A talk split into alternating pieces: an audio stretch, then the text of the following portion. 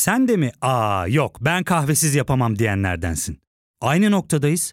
İlk ve tek kahve üyelik uygulaması Frink'le tanış. Hem bütçeni koru hem de hiç bitmeyen kahvenin tadını çıkar. Yakınlarından terapinin onlara ne kadar iyi geldiğini dinlesen de kendin için bir şeylere başlamak zor geliyor olabilir. Ya da sevdiklerine yardım etmeye istekliyken kendi ihtiyaçlarını görebilmek.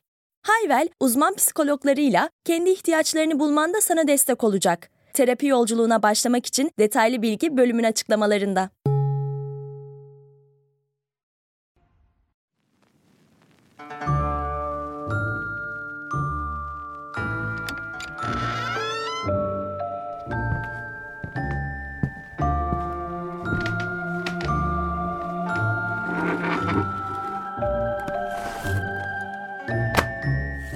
Ben Sezgi Aksu. Burası Karanlık Dosyalar.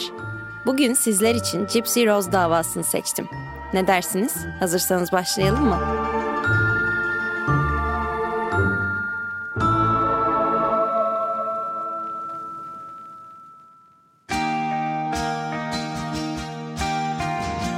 Gypsy Rose Blanchard ve annesi Didi, Amerika'da çok tanınan ve sevilen bir ikiliydi.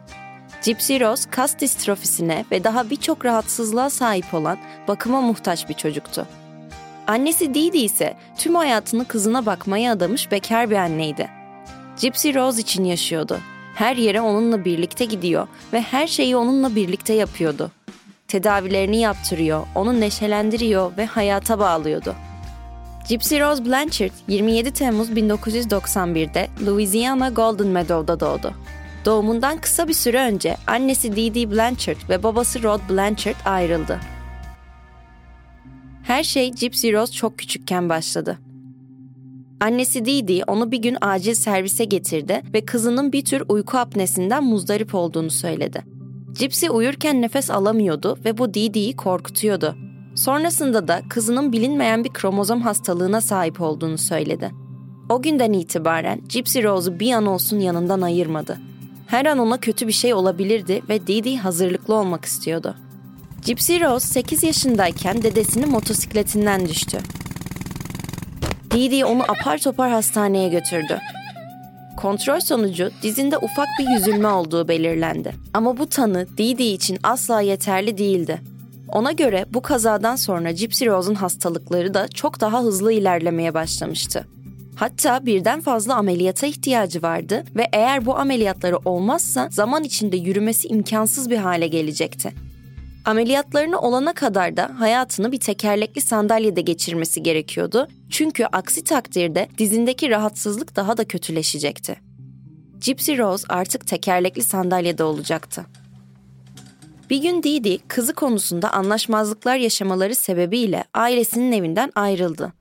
Gypsy ile beraber yaşayacakları ayrı bir eve taşındılar. Ardından Didi, Gypsy Rose'u New Orleans'ta bulunan bir hastaneye götürdü.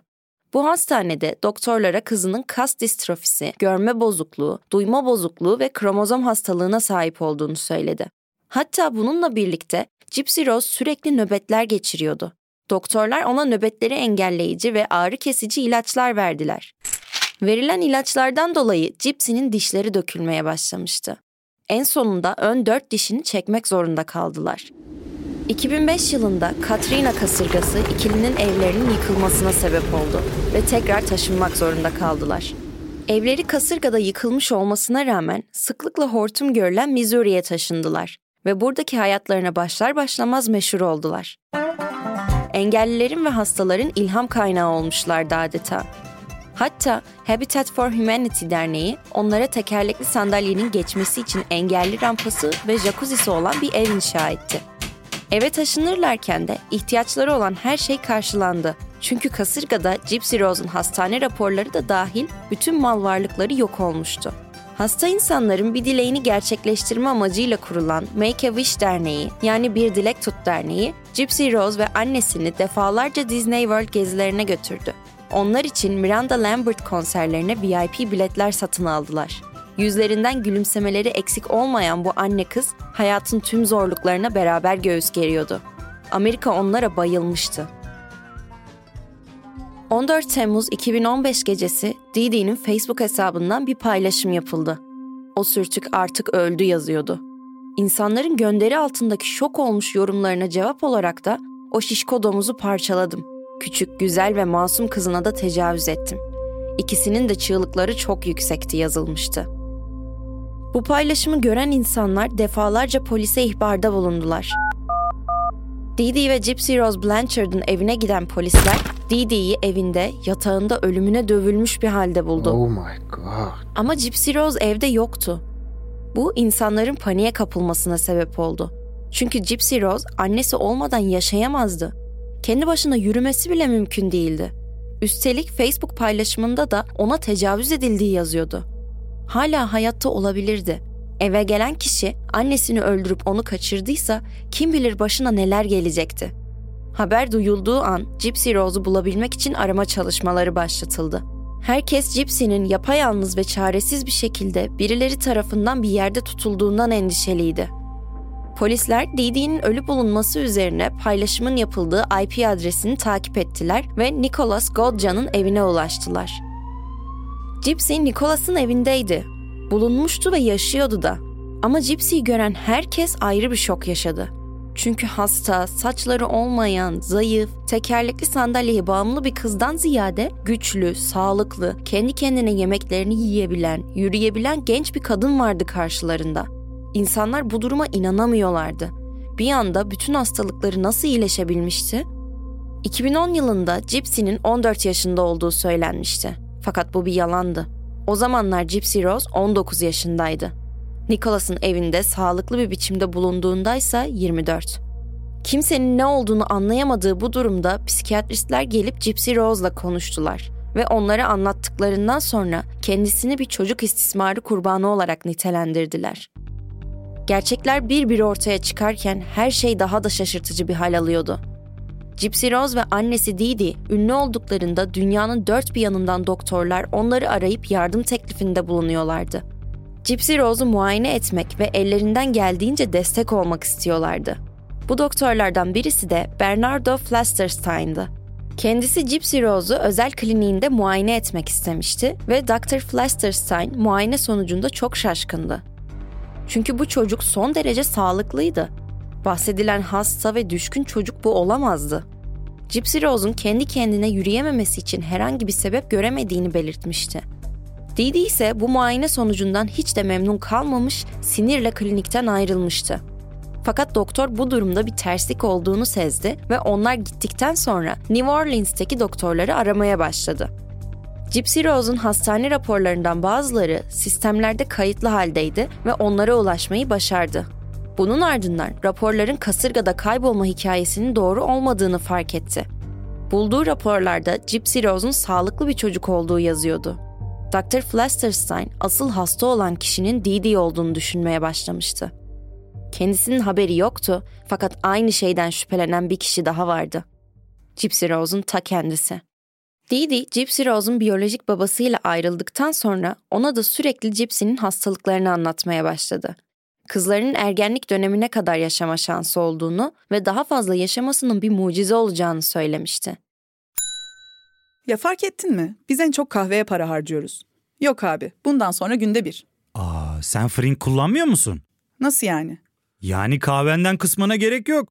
Frink'e üye olursan aylık sadece 1200 TL'ye istediğin çeşit kahveyi istediğin kadar içebilirsin. Günlük 40 TL'ye sınırsız kahve mi yani? Çok iyiymiş. Aynen. Hatta şu anda 200 TL'lik bir indirim kodu da var. E hadi hemen indirip üye ol da bu fırsatı kaçırma. Terapiye başlamak, içinden çıkamadığın döngüleri kırmak, bazı yanlış bulduğun kararlarını değiştirmek ve kendinle beraber daha huzurlu bir yaşam inşa etmek için atabileceğin en değerli adımlardan biri. Hayvel ile yoğun yaşam tempona uyum sağlayarak online terapi seanslarını takvimine göre ayarlayabilirsin. Bini aşkın uzmandan sana en uygun terapisti seçebilir, podb10 koduyla indirimden yararlanabilirsin. Detaylı bilgi açıklamalardaki bağlantıda. Gypsy aslında annesinin anlattığı gibi hasta olmadığını biliyordu ve bu gerçeğin farkındaydı. Ayağa kalkıp yürüyebileceğini, kendi başına yemek yiyebileceğini biliyordu. Didi buna asla izin vermiyordu. Gypsy'nin özgür olabilmesinin tek yolu evden kaçmaktı. Onun hasta olduğunu dünyaya duyurmuş ve kızını daha da hasta eden bir anneyle başka şansı yoktu. Hatta bir gün tekerlekli sandalyesini bırakıp koşarak bir komşunun kapısına dayanmış, komşu kapıya çıkınca da ona ne olur beni hastaneye götürün demişti. Fakat hemen arkasından Didi gelip araya girmiş, kızının hastalıklardan ve kullandığı ilaçlardan dolayı kafasının bulanık olduğunu, ne dediğini bilmediğini söylemişti. Yıllardır kameralara yaptıkları rollerden dolayı insanlar Didi ne söylese inanır hale gelmişlerdi. Buradan kurtulmanın hiçbir yolu yok muydu gerçekten? Gypsy Rose zamanla internet kullanmaya başladı ve bu sayede erkeklerle sohbet ediyordu. Onun umudu bu erkeklerden birisinin onun kahramanı olmasıydı. Onlardan biriyle bir ilişki kuracak ve annesinin elinden onu kurtarmasını sağlayacaktı. Didi kızını internette erkeklerle konuşurken defalarca yakalamıştı. Hatta bir gün bu yüzden onu yatağa zincirlemiş ve parmaklarını bir çekiçle ezmekle tehdit etmişti.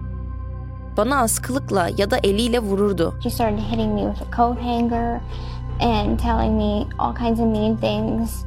Gypsy Rose'un artık durmaya niyeti yoktu. Hayatının geri kalanını tutsak gibi yaşamak istemiyordu.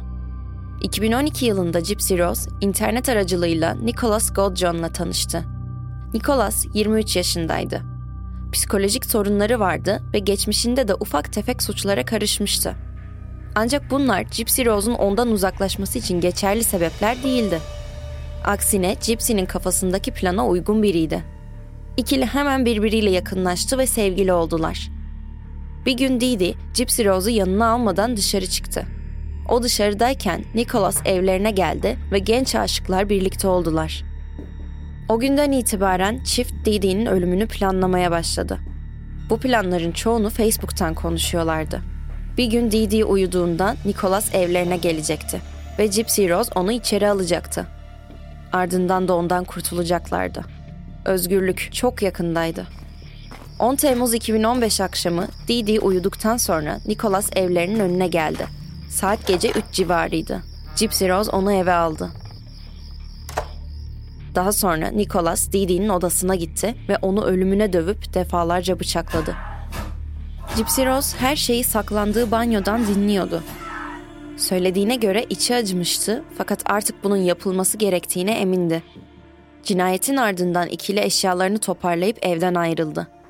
İki gece boyunca bir motelde kaldılar ve ardından da Nicholas'ın ailesinin evine Wisconsin'e doğru yola çıktılar. Onun ailesinin ise hiçbir şeyden haberi yoktu. Sadece Nicholas'ın kız arkadaşının birkaç günlüğüne onların evine kalmaya geldiğini düşünüyorlardı. İkili hiç garip davranmamıştı. Polisler evi basana kadar normal bir hayat sürebileceklerini düşünüyorlardı. Gypsy Rose yakalanmasının ardından her şeyi itiraf etti. Nicholas'ı azmettirenin de kendisi olduğunu kabul etti. Bunun üzerine ikinci derece cinayetten 10 yıl hapis cezasına çarptırıldı.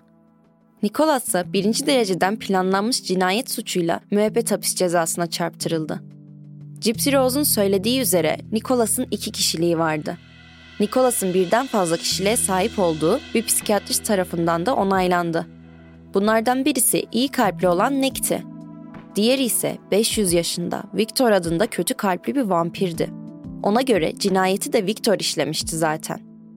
Nicholas'ın ailesi onun otizmli olduğunu belirtti ve Gypsy Rose'un onu tamamen manipüle edip kullandığını düşünüyorlardı. Gypsy Rose annesini öldürmekten pişman olduğunu fakat annesi olmadan daha iyi bir hayat yaşayacağına inandığını belirterek hapiste annemle olduğumdan daha özgürüm çünkü normal bir kadın gibi yaşayabiliyorum. O gece Nick'i içeri aldıktan sonra banyoya gittim ve Jen'in pozisyonunda kulaklarımı tıkadım. Annemin uyandığını ve sesinin şaşırmış gibi geldiğini duydum. Sonra birkaç kez bana bağırdı. Biliyorum bu bir bahane olamaz ama o kadar fazla ilacın etkisi altındaydım ki hiçbir şey hissedemiyordum dedi. Cinayet gecesi Gypsy Rose'un Nicholas'a attığı bir mesaj da şu şekildeydi. Eldivenleri ön kapının dışına bıraktım. Kapı gıcırdıyor. O yüzden girebileceğin kadar aç ve hafifçe kapat. Bıçağı ve bandı içeride veririm sana sevgilim. Manikür de yapıyorum. Koyu pembe oje sürdüm. Herkes başlarda Didi için çok üzgündü. Fakat gerçekler ortaya çıkınca üzüldükleri kişi Gypsy Rose oldu. Doğduğundan beri kendisini bilerek hasta eden bir annesi vardı. Bunun sebebi ise Didi'nin Munchausen by proxy sendromuna sahip olmasıydı. Kişinin çevreden ya da sağlık görevlilerinden ilgi görebilmek amacıyla kendisini hasta etmesine Munchausen ve çevresinden birini hasta etmesine ya da hasta etmek için elinden geleni yapmasına Munchausen by proxy sendromu deniyor. Sadece Didi'nin geçmişinde henüz bu hastalığı yeni başlamışken bunun fark edilmesini ve tedavi almış olmasını isterdim. Ve Gypsy Rose'a da bu sayede bunların hiçbirisi yaşatılmazdı ve belki de bu olay hiçbir zaman yaşanmamış olurdu. Gypsy Rose'un kendisi de yaptığı şeyin etik olmadığının ve doğru olmadığının farkında. Ama yaptığı şeyden dolayı bir ceza alması gerektiğini de düşünüyor. O da psikolojisinin o anda yerinde olmadığını ve bunu yaparken mantıklı düşünemediğini söylemekte. Peki sizce bu durumda verilecek doğru ceza nedir? Ya da ömrü boyunca aslında Gypsy Rose bu cezayı çoktan çekmiş midir? Gypsy Rose ve Dee Dee Blanchard'ın hikayesi Hulu'da yayınlanan The Act adlı dizide anlatılmakta. Daha fazla bilgi için HBO'nun Mommy, Dad and Dearest adlı belgeseline de göz atabilirsiniz.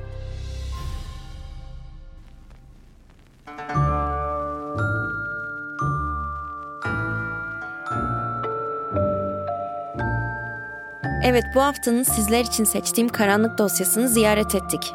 Bir sonraki karanlık dosyada görüşmek üzere. Kendinize iyi bakın.